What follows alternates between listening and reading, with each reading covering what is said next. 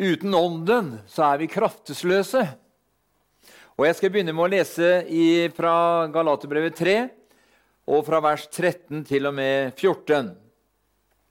Kristus kjøpte oss fri fra lovens forbannelse ved at han ble en forbannelse for oss. For det står skrevet:" Forbannet er hver den som henger på et tre. Unnskyld. Dette skjedde for at Abrahams velsignelse skulle komme til hedningene i Kristus Jesus. Og legg merke til nå, siste setningen, for at vi ved troen skulle få ånden som det var gitt løfte om. Vi ser her at uh, Paulus skriver her at uh, Kristus har kjøpt oss fri fra lovens forbannelse ved at Jesus ble en forbannelse for oss. For som det står skrevet, at det var den som henger forbannet er hver den som henger på et tre. Uh, og, men spesielt vers 14. Dette skjedde for at Abrahams velsignelse skulle komme til hedningene i Kristus Jesus. Hvorfor? Jo, for at vi ved troen skulle få Ånden som det var gitt løfte om. Det vil si, uten Ånden eh, så kan ikke Abrahams velsignelser komme over oss i fullt mål. Så vi er totalt avhengig av, eh, av eh, at, vi har, at, vi får Ånden for at vi, Abrahams velsignelse i sin fulltallighet skal kunne komme over oss. Og vi ser at eh, hovedhensikten med løftene var at, eh, at, de skulle få Ånden. Og da må det faktisk bety følgende, eh, slik som jeg ser det, at Den hellige ånd er forutsetningen for at du og jeg kan leve Kristuslivet. Med andre ord, er, sånn som jeg ser det, så er det helt umulig å leve eh, Kristuslivet uten at du har fått Ånden som har vært gitt, som det var gitt løfte om. Og Det vi videre kan si i denne sammenhengen, er faktisk som Paulus sier i, eh, i altså Rombrevet 7. Og I vers 6 så sier Paulus at dersom vi er løst fra loven, først da tjener vi i Åndens nye vesen. Med andre ord så betyr det at dersom vi ikke er løst fra lovisk tankegang og lovisk forkynnelse, så kan vi heller ikke tjene, tjene i Åndens nye vesen. Da blir det vi sier og det vi gjør, et resultat av, rent, av ren menneskelig måte å si og gjøre saker og ting på. En gang til at uh, dersom, uh, at dersom vi er løst fra loven, da tjener vi Åndens nye vesen. Med andre ord, dersom vi ikke er løst fra lovisk tankegang og forkynnelse, så kan vi ikke tjene Gud i Åndens nye vesen. Og da blir det som vi sier og gjør, et resultat av rent menneskelig måte å si og gjøre ting på. Paulus sier noe veldig interessant i 2. Korinterbrev 3. Eh, og fra, fra, vers 5 så snakker han om eh, 2. Korinterbrev 3. Og fra vers 5 så snakker han om tjenere, som en overskrift står det her, fra før vers 4 her, tjenere for en ny pakt. Og fra vers 5.: Ikke så at vi av oss selv duger til å tenke ut noe som av oss selv, men vår dugelighet er av Gud. Han som også gjorde oss dugelige til å være tjenere for en ny pakt.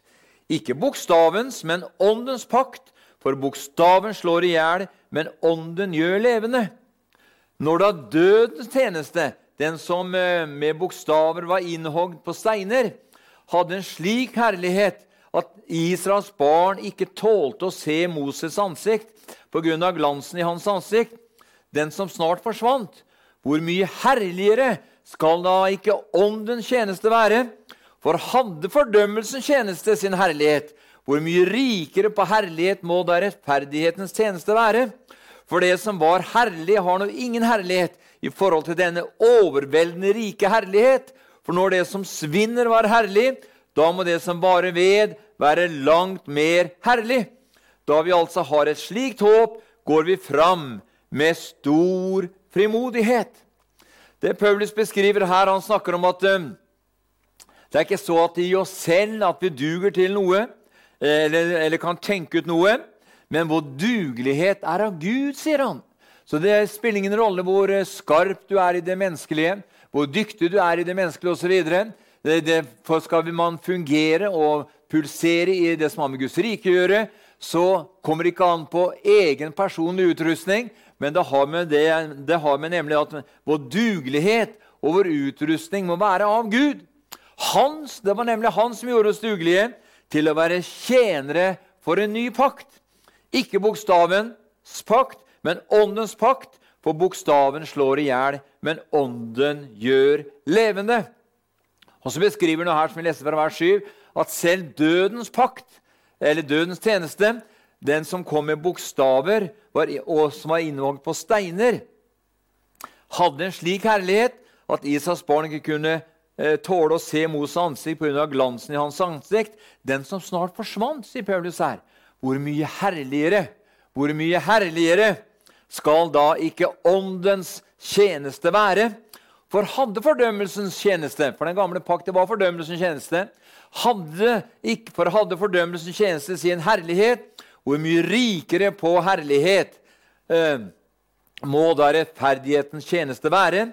For det som var herlig, har nå ingen herlighet lenger i forhold til denne overveldende rike herlighet. For når det som svinner, var herlig, da må det som varer ved, være langt mer herlig. Da vi altså har et slikt håp, sier Paulus, går vi fram med stor frimodighet. Og eh, eh, i, den, eh, i den settingen så kan vi stille oss et spørsmål hva vil det si å tjene Gud i ånden? Hva vil det si å tjene Gud i ånden? Et enkelt svar på det handler om, er, om en avhengighet av Den hellige ånd. Vi ser at i 1. Korinna i apostelgangene 10 og i vers 38 så står det at eh, Jesus Kristus var salvet av Gud med Den hellige ånd og ild og gikk omkring og gjorde vel og helbredet alle som var underkuet av djevelen fordi hans, eh, fordi hans eh, Eh, eh, far var med ham. Fordi Gud var med ham. Det betyr følgende at dette betyr at uten Den hellige ånd så kunne ikke Jesus utføre sin fars gjerninger. Og det kan heller ikke du og jeg heller. Du og jeg kan ikke utføre guddommelige gjerninger uten at vi er salvet, ledet av Den hellige ånd. For Jesus sier nemlig det i Johannes 15, og i vers 5 så sier han Foruten meg, sier han, så kan dere ingenting gjøre. Kan ingenting gjøre. Eh, jo, men vi kan vel gjøre noe, sier du. Jo, vi kan gjøre mange naturlige ting. Men det å gjøre noe som har, noe som har av åndelig verdi, det er umulig for deg og meg å gjøre uten ham, uten Den hellige ånd. Og Derfor sier han foruten meg så kan dere ingenting gjøre.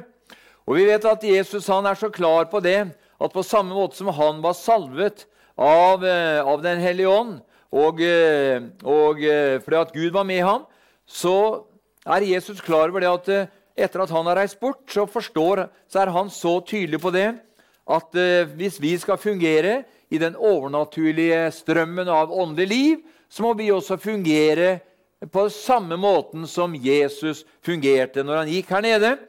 Derfor sier han i Johannes eh, kapittel 17 og i vers 18 så sier han her Liksom du har utsendt meg til verden, har også jeg utsendt dem til verden.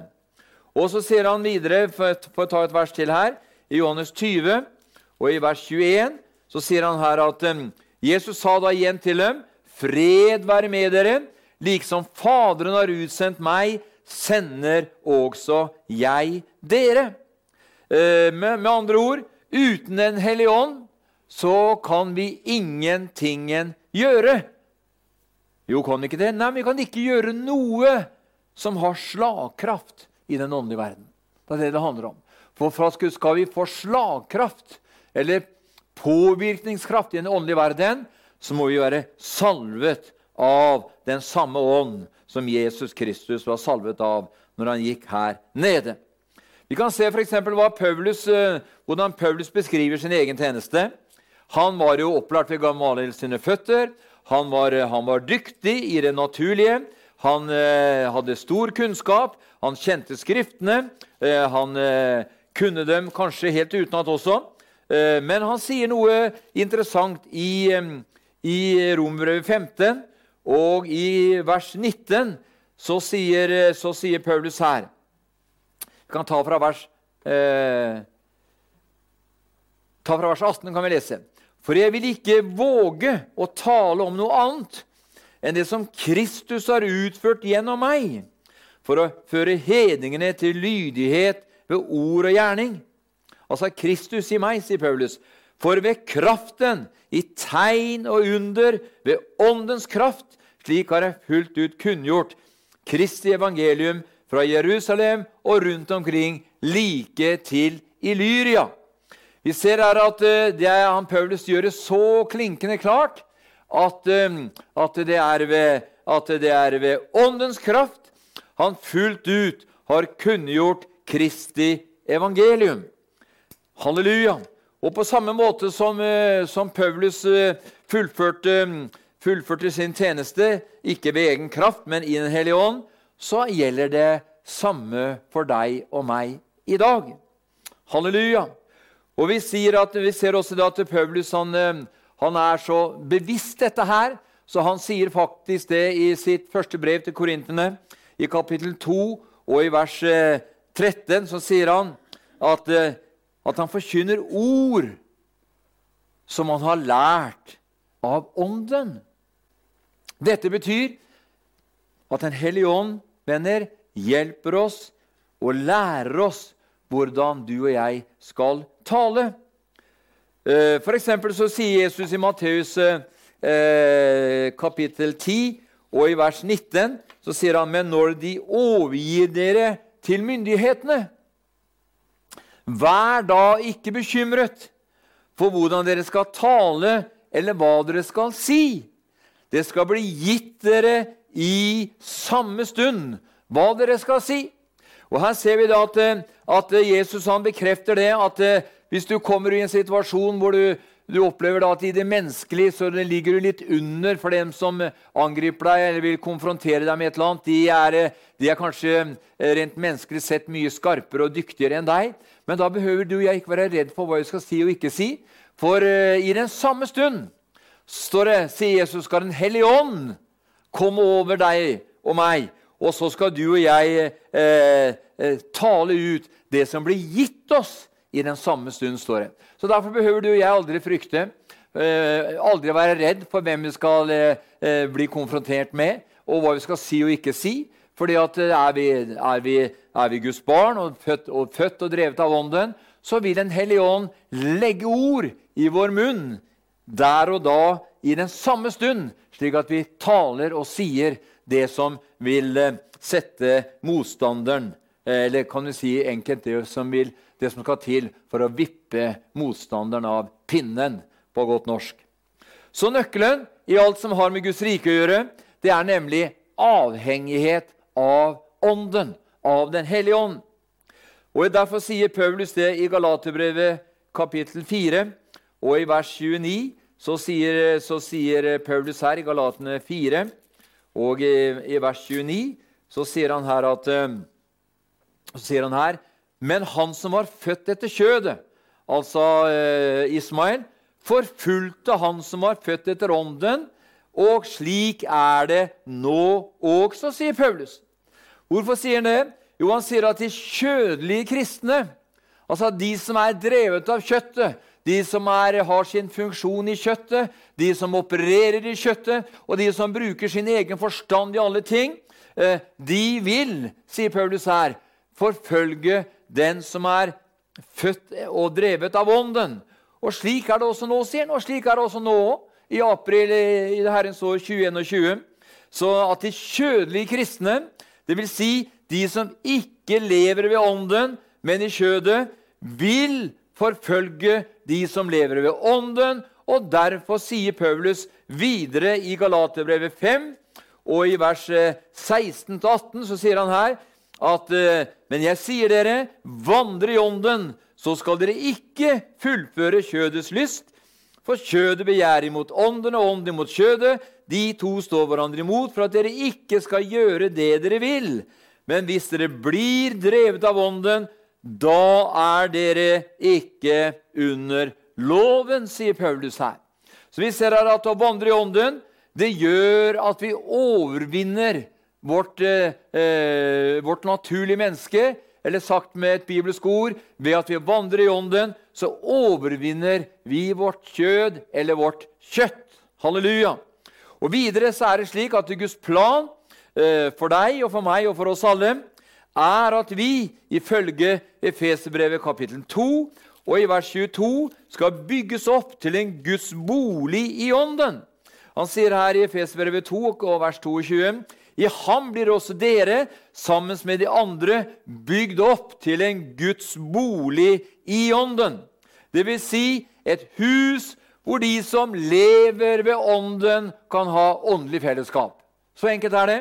At vi, vi skal, det er Guds plan for deg og meg som er frelst og født på ny.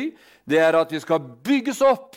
Vi skal bygges opp til en bolig i ånden, dvs. Si et hus, en plass hvor de som lever ved Ånden, kan ha fellesskap.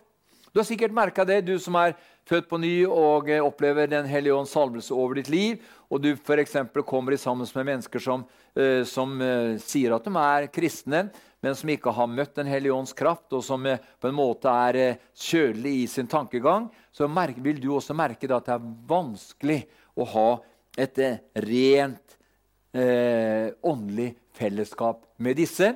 Og Det er derfor Paulus sier at, eh, at, eh, at, eh, at, Guds plan for sitt folk, for deg og meg, er at du og jeg skal bygges opp til en bolig i ånden, dvs. Si et hus hvor de som lever ved ånden, kan ha fellesskap. Og er det noe samfunnet trenger i dag, er det noe de troende trenger, så trenger vi ikke først og fremst et sånt et, et, et sosialt fellesskap. Det er også viktig. Det er viktig for sjelen og for kroppen å ha et sosialt fellesskap. Men vi, det her er en annen dimensjon. Det er snakk om et åndelig fellesskap. Et um, fellesskap i ånden. Halleluja. Og du skjønner at det fellesskapet i ånden det er nemlig det fellesskapet som gjør at vi blir oppbygd på vår, hellige, på vår høyhellige tro og vokser i nåde og kjennskap til Han som er hodet for menigheten. Derfor er det, kjære venner, viktigere enn noen gang at vi nå i, eh, i år i 2021 at ordet i Efeserbrevet 5 og i vers 18 eh, blir en, eh, blir en eh, for høyeste prioritet i våre liv. Nemlig her står det eh, eh, Så dere ta eller kan vi se Han sier her i, i, i Efesbrevet 2 og i vers, vers 22 unnskyld, i Efesbrev 5 og i vers 18, hvor han sier her at eh, Drikk dere ikke drukne av vin, for det fører bare til utskeielser, men bli fylt av Ånden. Så det Vi vet jo da at det å drikke vin det kan jo få deg i en viss form. Men du skjønner, det er, ikke, deg, det er ikke den måten du og jeg skal bli fulle på. Men vi skal eh, bli fylt av Ånden. Halleluja.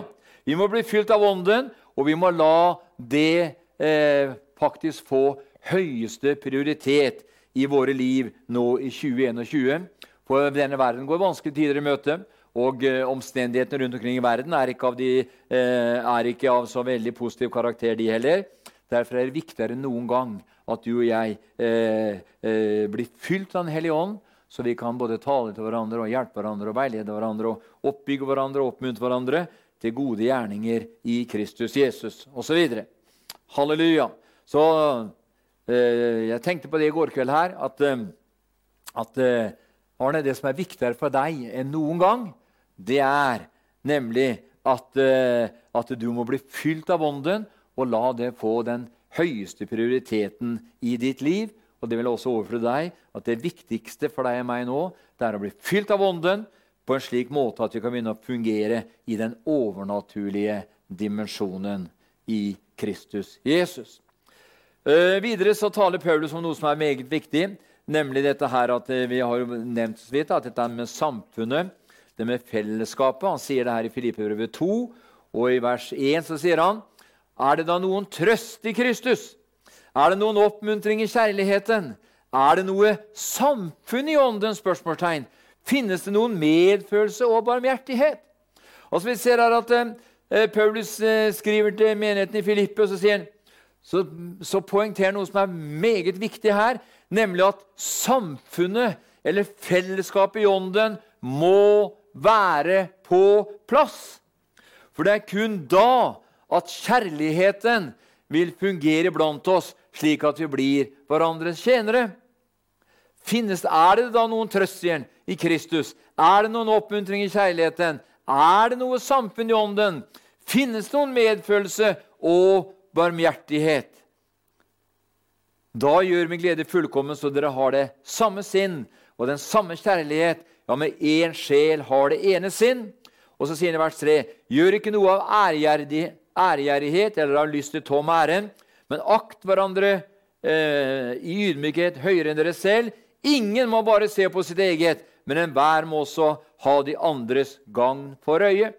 Det vil si at eh, er det noen trøst? Ja, det er noen trøst. For den trøsten vi har, den har vi i Kristus. Er det noen oppmuntring i kjærligheten? Ja, det er oppmuntring i kjærligheten. Er det noe samfunn i ånden? Ja, det er et samfunn i ånden. Finnes det noen medfølelse og barmhjertighet? Han stiller spørsmålstegn ved det. Og da er det din og min eh, ønske og lengsel at vi, at vi skal kunne Eh, eh, bekreft, svare bekreftende på det. At vi er, vi er hverandres søsken, vi er hverandres brødre og søstre, og vi lever i et samfunn i ånden. Halleluja. Faktisk er det først da vi kan komme inn i, det, i den dimensjonen som Paulus beskriver i Kolossebrevet 1 og eh, i, vers, eh, i, vers, 8. Så sier han her eh, Kolossebrevet 1 og i vers 8 så beskriver han eh, kan ta fra 7. Slik har dere også fått lære det av vår kjære medkjenner Epafras, som er en trofast Kristi tjener for dere. Han har også fortalt oss om deres kjærlighet i ånden. Det er ikke en eh, fysisk kjærlighet, det er ikke en eh, medmenneskelig kjærlighet, men det er en kjærlighet som finnes i ånden, og, eh, og derfor så, så, så, kan, så, kan, han si her at, at det er Da kan vi eh, si som, Pøblen, eller som Epafra sier her, at da blir det med, da blir eh, Kjærligheten i ånden blir en, en sannhet for menigheten. Amen. Så når det gjelder dette med helliggjørelse, da, eh, så taler Paulus veldig tydelig om det. I 2. Tessalonikerbrev eh, så sier noe om eh, i vers 2, nei, kapittel 2, i 2. Tess 2 og i vers 13. For her har det kanskje vært mye misforståelser rundt, godt, rundt omkring. For han sier at I 2. Tessaloniker 2, vers 13 så sier han her at, så sier han her at Men for dere, brødre, som er elsket av Herren. Uh, som er elsket av Herren, for dere skylder vi alltid å takke Gud, fordi Han fra begynnelsen har utvalgt dere til frelse ved Åndens helliggjørelse og ved tro på sannheten, sier han her.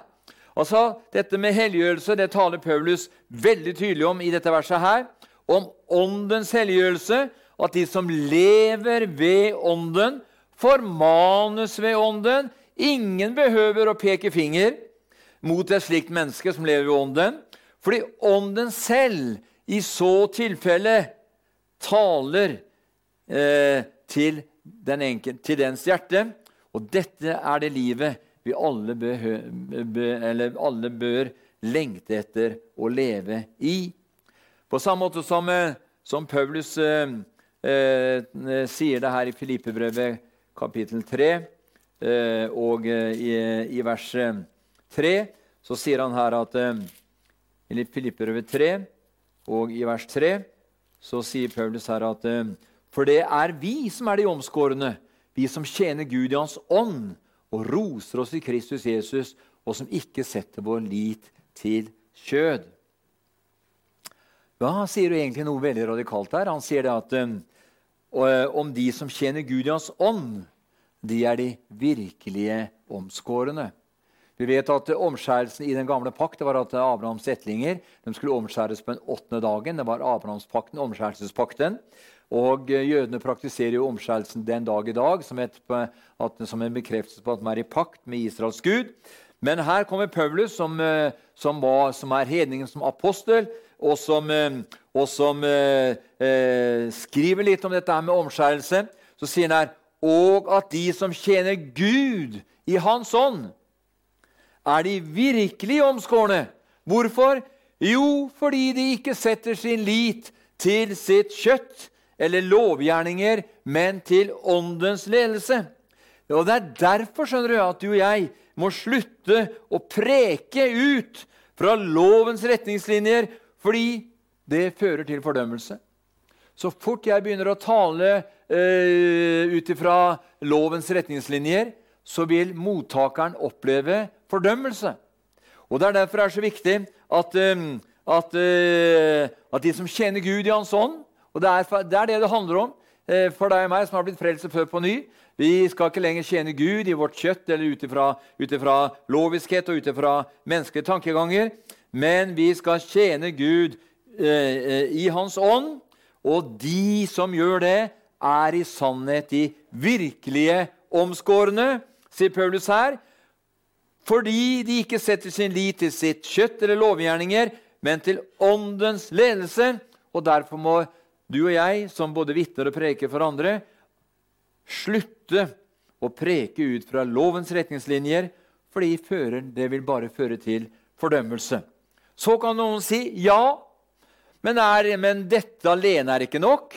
Er det ikke slik at loven er vår tuktemester til Kristus, da? Er det ikke slik at det er loven som er vår tuktmester til Kristus? Det er noen som snakker om at vi må forkynne både, både, lov og nåde. Og det er utbredt i mange setninger. Men la oss se hva, se hva Paulus sier, svarer på det.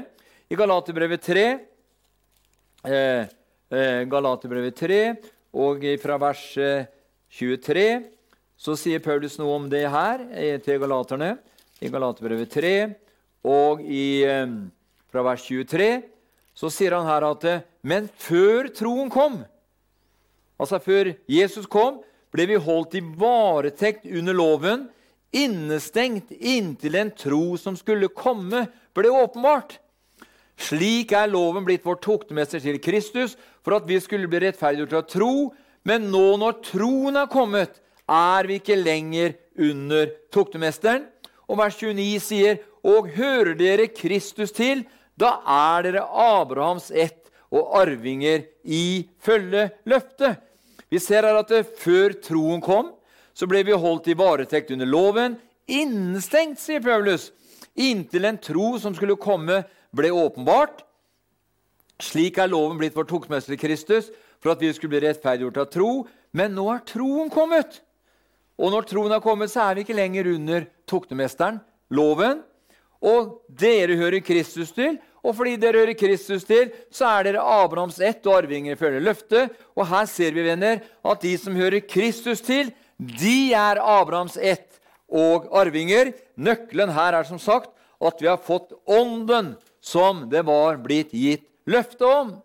Og at nåden den er selve grunnlaget for at um, Kristus kan bo i oss. At Kristus kan bo i deg og meg, grunnlaget for det er eh, nåden i Kristus Jesus. Det er ikke loven som flytter inn i ditt hjerte og som tar bolig i deg. Nei, men det er nå at eh, han som oppfylte loven, Jesus Kristus, når han fullførte frelsesverket og ropte ut det var fullbrakt, og han ble begravet, og han eh, for ned til dødsriket og sto opp igjen på den tredje dag. Oppstandelsesmorgen kom, og Jesus sto opp. Dette, Da trådte den nye pakt inn, i, eh, inn og den gamle pakts tid var over, og den nye pakts tid var kommet. Og den har med at, eh, at, eh, at, eh, Guds nådegave det er evig liv i Kristus Jesus. Og det handler om at Jesus har tatt bolig i oss ved troen på det fullbrakte verket som han tilveiebrakte. Og dersom vi tillater Han, som, til, som banet en ny og levende vei for oss, like inn i helligdommen Dersom vi tillater Han for å bo i oss, eh, så kan Jesus begynne å leve sitt liv igjennom deg og gjennom meg. Venner, det er kristenhetens hemmelighet. Kristus i oss, håpet om herlighet. Og eh, Vi kan ta et vers til som handler om det med, det med at, det er, at, det er, han som hellig, helliger. Vi kan se f.eks. i første Tessalonikerbrev, i 1. Tess, så, eh, så, står det her i kapittel uh, Korabasha Kantoania, 1. Tesalonikerbrev 5, og i vers uh, 23-24 så står det her Må Han selv, fredens Gud, hellige dere helt igjennom, og må deres ånd, sjel og legeme bevares fullkomne, ulastelige ved vår Herre Jesu Kristi komme. Han er trofast, han som kalte dere, han skal òg gjøre det. Han skal òg gjøre det. Og eh, Peter, 1. Peter 5 eh, sier noe tilsvarende.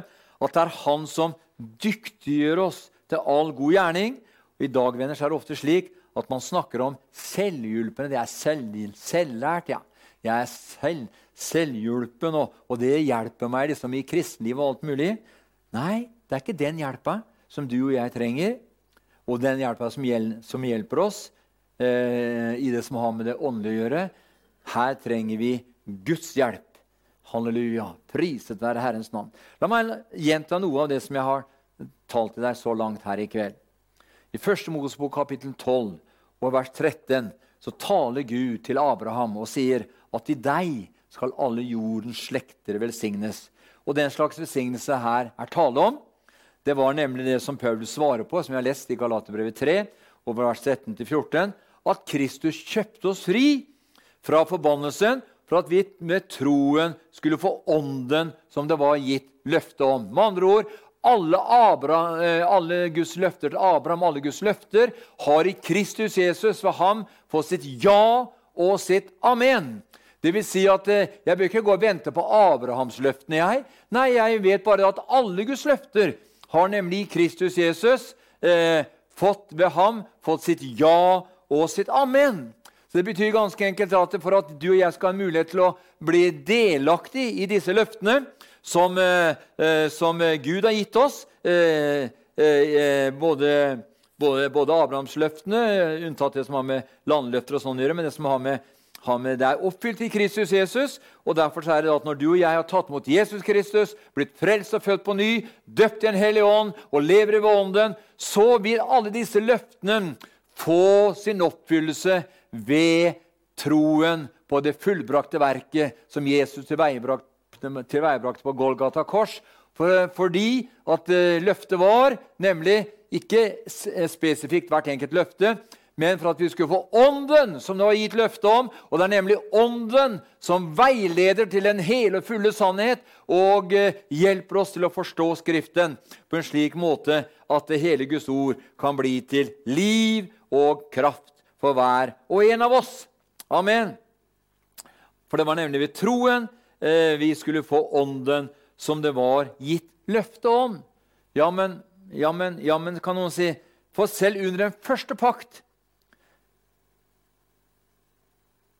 så ville de gjerne gjøre Guds vilje, men de kunne ikke. De kunne ikke, de ville gjerne gjøre Guds vilje, men de, men de kunne ikke.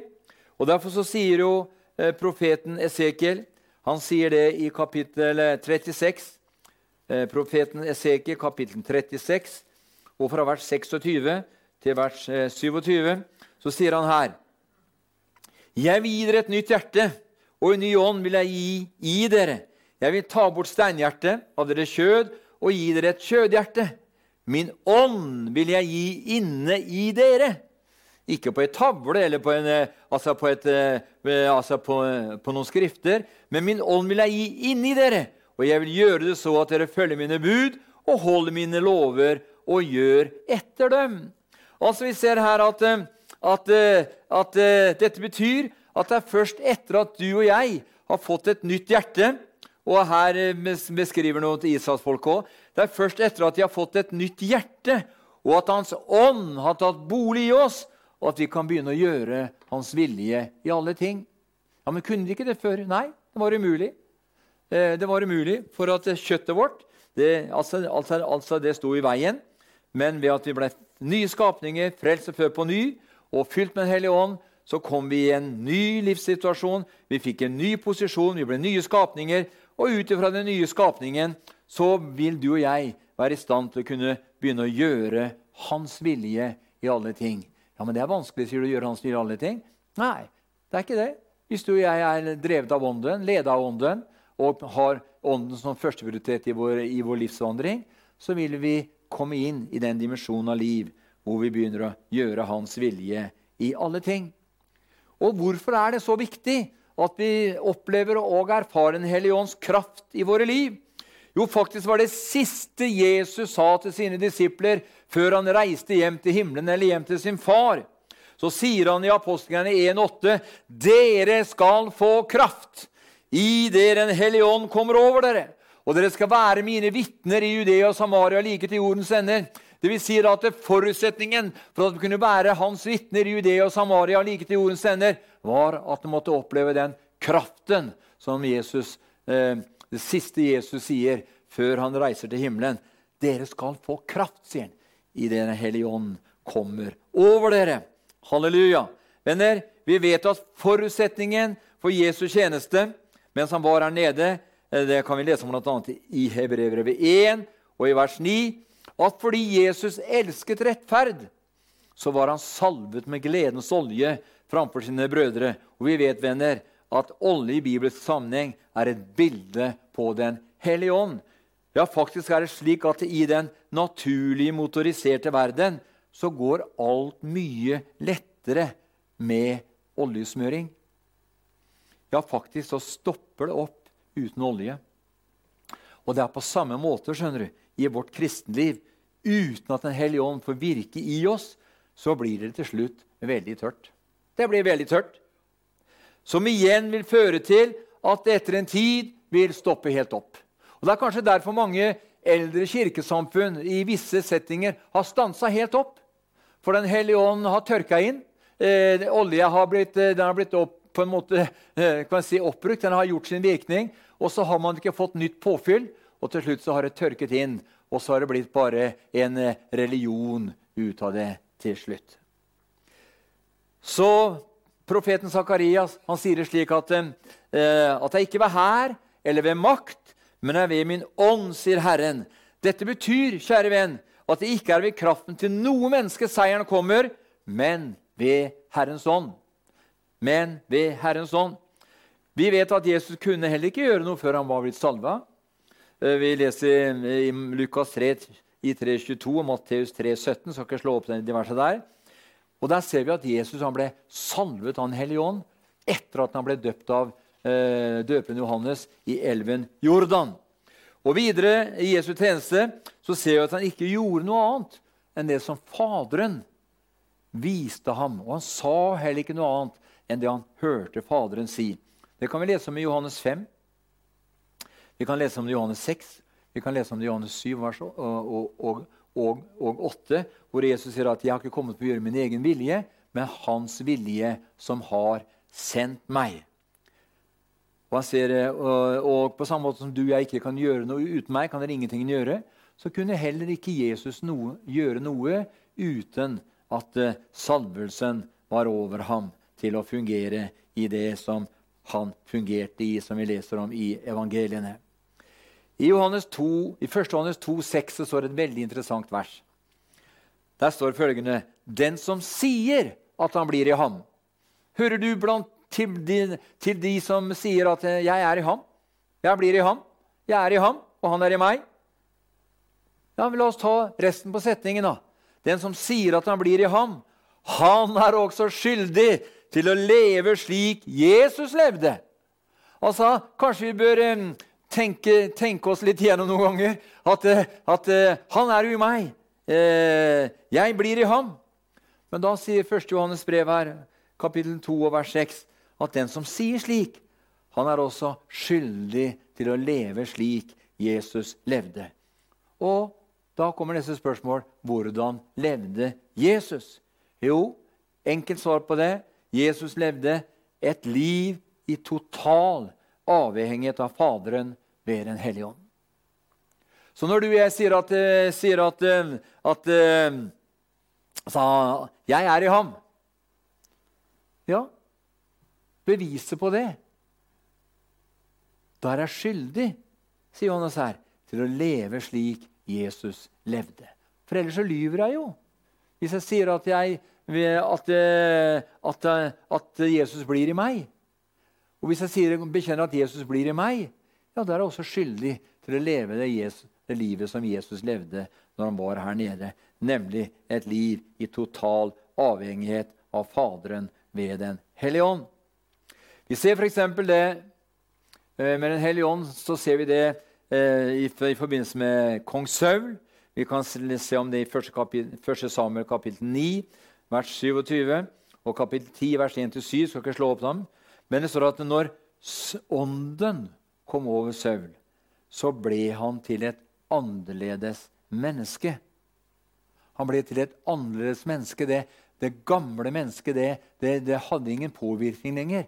For Den hellige ånd oppfylte ham og fylte hele hans, eh, hans, hans eh, eh personlighet. Så ble han til et annerledes menneske.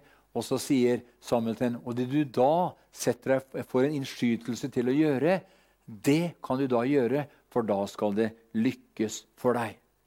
Det gjelder med deg, Samme gjelder med deg og meg også. Når Den hellige ånd kommer over, kom, altså kommer over deg og meg, når du og jeg begynner å prise Gud, og så kjenner vi at salvelsen kommer over oss, for du begynner å tale profetiske ord, da er det ikke først og fremst deg, du, i ditt naturlige menneske som taler, men da er det Den hellige ånd over og i og gjennom deg som uttrykker det som ligger i Jesu hjerte, slik at eh, han bruker din munn til å sette ord på det. Halleluja. Og da blir du til et annerledes, men annerledes menneske for da sier du det du egentlig det naturlige mennesket ikke kunne si. Men ved at Den hellige ånd kom over deg, så kunne du tale ord ifra himmelen. Halleluja!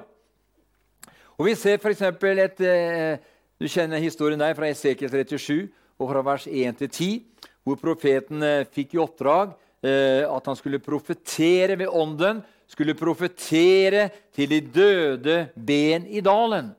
Og Du kjenner den historien der, hvordan det knaka og braka osv. Og, så og disse her, eh, forskjellige eh, beina fant hverandre. Og Så kom det senere, og så kom det kjøtt, og så kom det liv i dette. her, Og så reiste seg opp og ble en meget stor hær, står det. Så eh, eh, Slik at det kunne komme liv i dem og bli til en stor og mektig hær.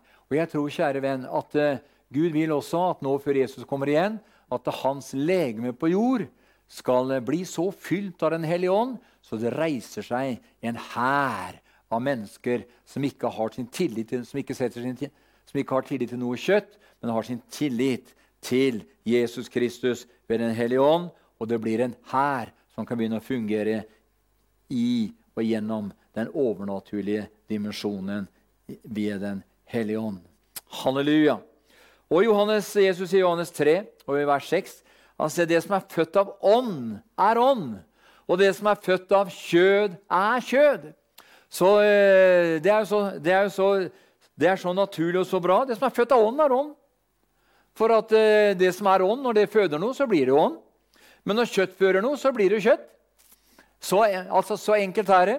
At, uh, at, når en gris uh, uh, får grisburker får unger, så blir det grisunger. Ikke sant? Og sånn er det at vi er et resultat av den vi er. Det føder det vi er. og Derfor sier han det som er født av ånd, er ånd, og det som er født av kjød, er kjød. Halleluja. Og eh, 1. Eh, Johannes eh, 5, vers 4 sier at det som er født av Gud, seirer over verden. Og dette er den seier som har vunnet over verden, vår tro. Men la oss si det slik at alt som er født av Gud eller født av Ånden, seirer over verden. Så når du får en åpenbaring, eller du får noe som er født i ditt hjerte Gud sier at du skal begynne for eksempel, ta et eksempel, Gud sier du skal begynne en leketøysbutikk. Ja, men det er så mange leketøysbutikker rundt, rundt omkring. Kan, kan innvendingene komme? Men så opplever du at Gud har sagt til deg at du skal starte en leketøysbutikk, og du opplever at det er født i ditt hjerte. Da må du ikke lytte, lytte inn alle andre røster som sier at det er ikke noe tid for det nå. Da må du gjøre det, for hvis du da gjør det i overensstemmelse, for det er født inn for det er født i deg, da vil den leketøysbutikken du da starter opp, den vil seire over verden, over omstendighetene. Og det vil lykkes for deg. Vet du hvorfor? Jo, for den leketøyssaken, eller leketøysbutikken, det var ikke noe du selv gikk der og grubla på, men det blei født i din ånd ved Den hellige ånd, og du da setter det ut i livet, så vil det seire. Det vil lykkes for deg. Halleluja. Og Han sier også det i Johannes 3, vers 8. Ånden er som vinden. Ingen kan, blåser, ingen kan, vite hvor den kommer fra, eller hvor den blåser hen. Slik er det også med de som er født av Ånden, står det.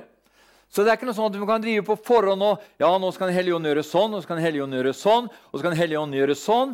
Nei, det er sånn med vinden. Ingen vet hvor han kommer fra. Plutselig så er vinden der. Ingen vet hvor han kommer fra, og hvor han blåser hen. Slik er det også med den som er født av Ånden. For den som er født av Ånden, den er, eller er den som er drevet av Ånden, han lar seg bevege av den åndelige vinden, som er Den hellige ånd. Halleluja. Og eh, videre er det slik at, eh, at alt lovens rettferdighet oppfylles i oss når vi vandrer i Ånden, sier Paulus i Rombrevet 8 og vers 4-6. Og Galaterbrevet kapittel 6 vers 8 sier at vi skal tillate Ånden og innta oss helt. For det er først da du og jeg kan begynne å handle på Åndens innskytelse i alle ting. Jeg kan ikke leve liksom sånn, litt sånn sløvt kristen og tro at Den hellige ånd skal lede meg, Den hellige ånd skal hjelpe meg, Den hellige ånd skal veilede meg, og Den hellige ånd skal vise meg saker og ting, og jeg skal lykkes i livet. Nei, Nei vi må tillate Ånden, som Paulus sier i Galaterbrevet 6, vers 8. Vi må tillate at Ånden inntar oss helt. For det er først da du og jeg kan begynne å handle på Åndens innskytelse i alle ting. For når du og jeg har tillatt Ånden å innta oss helt, ja, da er det Ånden i oss som virker i oss. da. Og når Han eh, kommer, med en, eh, kommer med en innskytelse, så kan vi handle på det. Halleluja!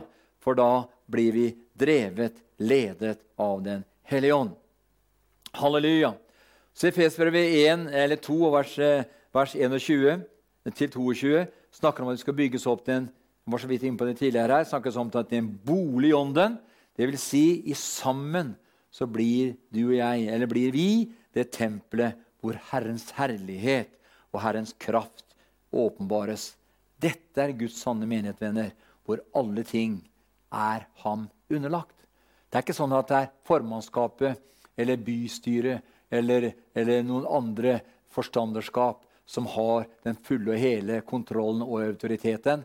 Nei, Guds menighet det er nemlig sannhetens grunnvoll og støtte. Og det er egentlig den institusjonen som Gud har gitt autoritet og makt til å eh, bestemme situasjonen på de områdene hvor du og jeg måtte befinne oss, og der hvor du og jeg måtte bo. Amen. Halleluja. Og Filippebrevet kapittel 2 vers 1 snakker om et åndelig samfunn hvor vi kjenner hverandre etter ånden og ikke etter kjødet.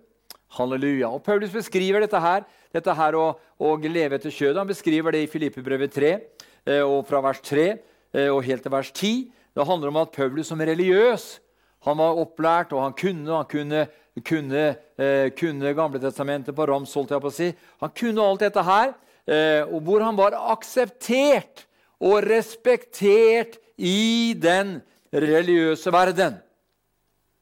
Men så ser vi da at videre i kapittel 3 i Filippebrevet så sier han alt dette regner jeg nå som skrap, eller som søppel, sier han, i forhold til det å lære ham å kjenne. Halleluja. Det hadde ikke lenger noe verdig for ham.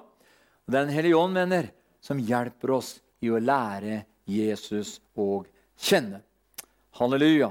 Og som jeg leste tidligere, Kolossebrevet 1, vers 8, om den kjærlighet som finnes i ånden og vet du hvordan du kan merke det?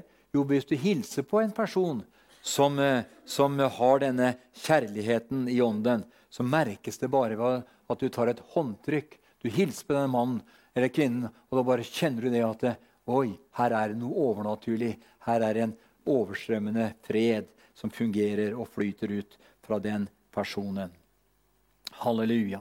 Venner, nøkkelen for å kunne høre hva Ånden sier, er å vandre i Ånden. Og Da kan du lese det sjøl i Åpenbaringen kapittel 2 og vers 17 og i vers 29. Det var en sang vi sang for mange år siden, i hvert fall på 70-tallet, som jeg husker. At lev og tjene Gud i åndens nye liv. Jeg vil leve og tjene Gud i åndens nye, nye liv. Venner, uten Den hellige ånd så er det umulig for deg og meg å forandre vårt land. Uten Den hellige ånd er det helt umulig for deg og meg å forandre Den hellige ånd. Du og du som har hatt det nedlagt i ditt hjerte lengre tid. Du har bedt for nasjonen, du har bedt for kongehus, du har bedt for storting, du har bedt for regjering. Og du har kanskje på mange måter bedt ut ifra, hva Guds ord sier at du skal be for, eh, for øvrighetene og på alle plan osv. Men uten at det, det er en hellig ånd som er drivkraften i både dine og mine bønner, så gir det ikke noe resultat. Men Herren vil at du og jeg skal begynne å, å eh, fungere i den overnaturlige dimensjonen, nemlig i Den hellige ånd. Derfor kaller, har Herren kalt deg med navn. Han har tegnet deg i begge sine hellige hender, og han har forutbestemt for deg at du skulle få lov til å være en gren som bærer frukt. Ikke at du skulle være et eple her og et eple der på grenen, men han vil at du skal være en slik gren som bærer så mye frukt at uh, du, har, du har, sett det på høsten noen ganger. Så ser du da at når epletrærne er uh, Når grenene står rett opp, så er det et eple her og et eple der som henger på grenen. Men når du kommer noen husker, så husker vi så på noen glassepletrær. Så så vi på høsten, så hang grenene ned sånn, helt ned på, helt ned på havebakken. Og grenene var fulle av epler. altså. Du skjønner at Når du blir full av frukt, da blir du også jordnær på den måten at du begynner å forstå at den rike kraft ikke er av deg selv, men den er av Gud.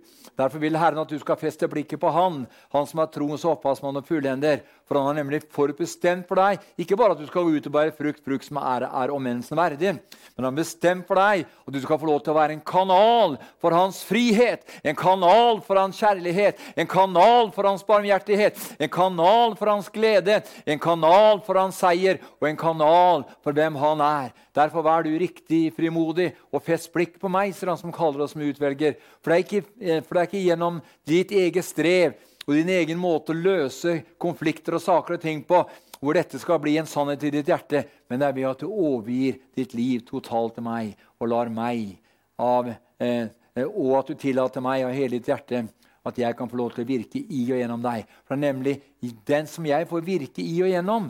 For det jeg vil virke i og gjennom deg på en slik måte at du blir en kanal for min fred, en kanal for min kjærlighet og glede. Derfor vær du bare riktig frimodig og sterk og fest blikket på meg, for det er jeg som er troens opphavsmann og fullender, og jeg lar meg bevege når du lar deg bevege av meg, sier han som kaller oss med utvelger. Vær du da riktig frimodig. La ikke koronaen og alt det andre som pågår i samfunnet, la ikke det få hele, hele din oppmerksomhet eller store deler av din oppmerksomhet. Men fest blikket på meg, sier Herren, for det er jeg som er troens opphavsmann og fullender. For når du det gjør, så kan du erfare og få oppleve at jeg som begynte den gode gjerning i og gjennom deg, Min plan er ikke å avslutte, men min plan er å fullføre. Vær ved godt mot og se framover og, og, og, ikke se deg engstelig omkring. Ikke lytt eller røste fra høyre og fra venstre. Ikke se deg omkring verken til høyre eller venstre, men fest blikket på meg. Så skal du få erfare og få oppleve at det, det sterkeste i ditt liv ligger fortsatt framfor deg, og du skal bli stående etter å ha overvunnet alle ting. For se, jeg er med deg, sier Herren, og jeg vil beskytte deg jeg vil bevare deg, jeg vil holde deg oppe med min rettferdighets høyre hånd, og jeg vil gi deg det ditt hjerte begjærer, på en slik måte at du kan få lov til å bli det redskapet og bli den kanalen for min frihet og den gleden som finnes i meg. Det er derfor det står at jeg ble salvet med gledens olje fremfor mine medbrødre, fordi jeg elsket rettferd. På samme måte så elsker du rettferd og rettferdighet, og fordi du det gjør, så skal du få erfare og få oppleve at en større kraft en større dimensjon av kraft og salvelse skal komme over deg i dager som kommer. Ja, allerede nå så kan denne større kraften komme over deg. Derfor ønsker jeg å be en kort bønn for deg nå. Far, jeg bare takker deg for de som ser på nå, om de ser på i dag eller seinere.